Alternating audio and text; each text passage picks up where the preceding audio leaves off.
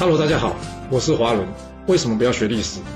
因为学历史会让你了解到顶层阶级的思考方式，成为他们的竞争者，所以他不希望你去学。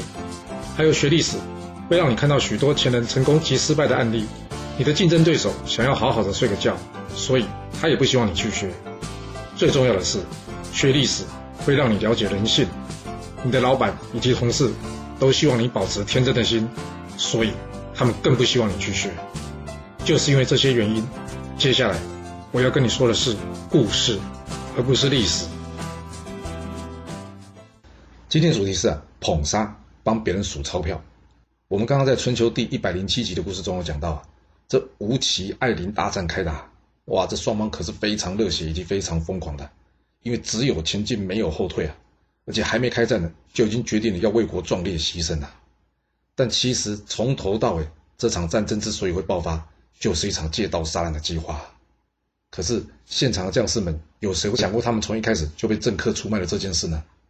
很难呢，因为一句忠君爱国啊，或是保家卫国的帽子扣在你头上，大多数人呢都会奋不顾身的上战场去拼命的。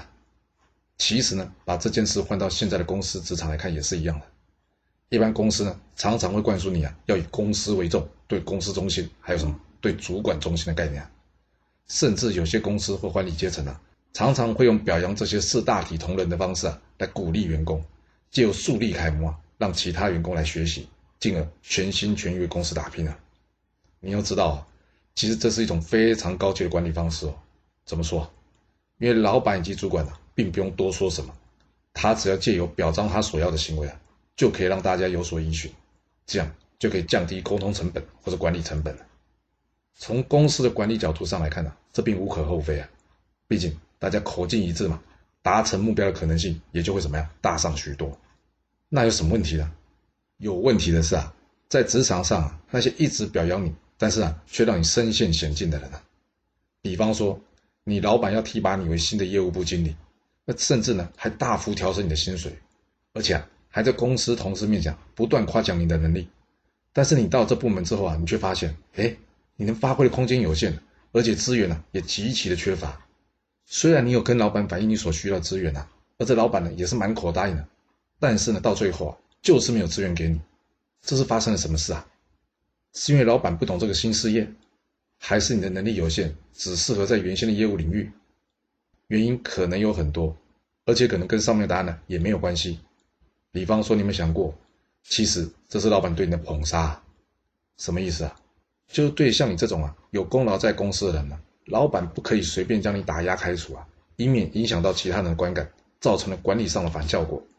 但是，就不断的表扬你，说要给你资源，不就能给所有同事一个正面的形象？要是你不知感恩，还向其他同事抱怨你老板没有支持你，那你觉得你同事有没有可能说，老板对你那么好，你却在背后说他坏话？哦，你是一个不厚道又能力不足的人。我们上次有说到嘛，这只供说服齐国、吴国以及越国啊。靠的是什么？他精准的了解对方的利益啊。那你想一想，这子贡住在鲁国，他都可以知道其他各国的状况。那你跟老板或是主管都在同一个办公室，你能说你不知道他们状况吗？想了解老板真实的想法，就必须掌握他最关心的事，也就是什么？他的核心利益啊。而要想要了解他最关心的事啊，你就必须啊从他的言行去下功夫。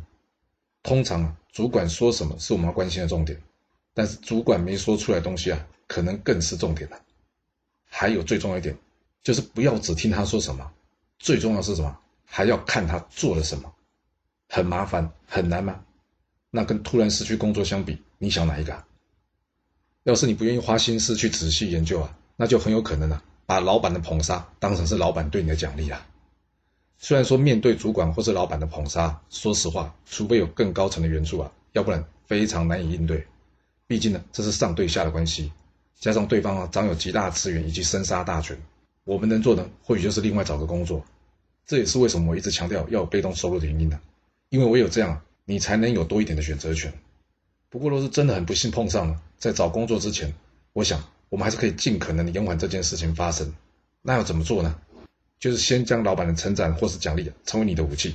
比方说，当老板要调你到新的部门有新的工作的时候呢？你一定要先搞清楚这调动原因是什么。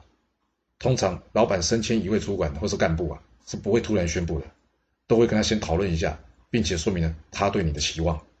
从这点，你就可以由他的话中啊来推敲他真正的目的。要是推敲不出来，又不能不接，那老板宣布的时候，一定要记得说谢谢老板的肯定啊。新的领域你还不熟悉，但是你愿意接受这个挑战，相信老板的指示是英明的，而且呢一定会按照老板的指示以及期望去完成作业。听清楚了吗？这种说法就是什么？这是老板的决定以及老板的指示，而不是你主动要的。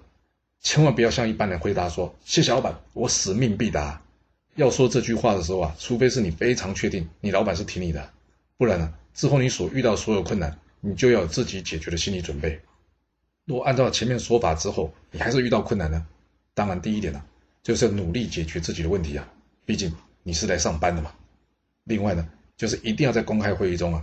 将你面对的问题提出来，去请教老板后续该如何进行啊，或是告知老板你需要哪些资源，千万不要闷着头私下做啊，因为啊，只有这样做才表示你是在执行老板的意志，而不是你的决定啊。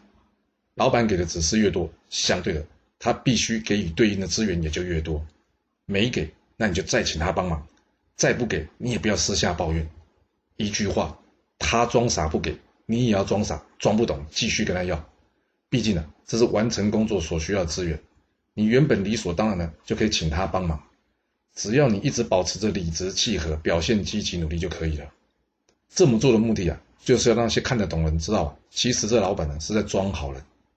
那最后公司会赶我走吗？按照我们前面说的，当然还是会啦，毕竟绩效没有达成嘛。这也是为什么我前面会说啊，还是要找下个工作。但是你有做错什么事吗？没有，因为你该做的努力你都做了，该申请的资源也申请了，至少对得起自己与这份薪水。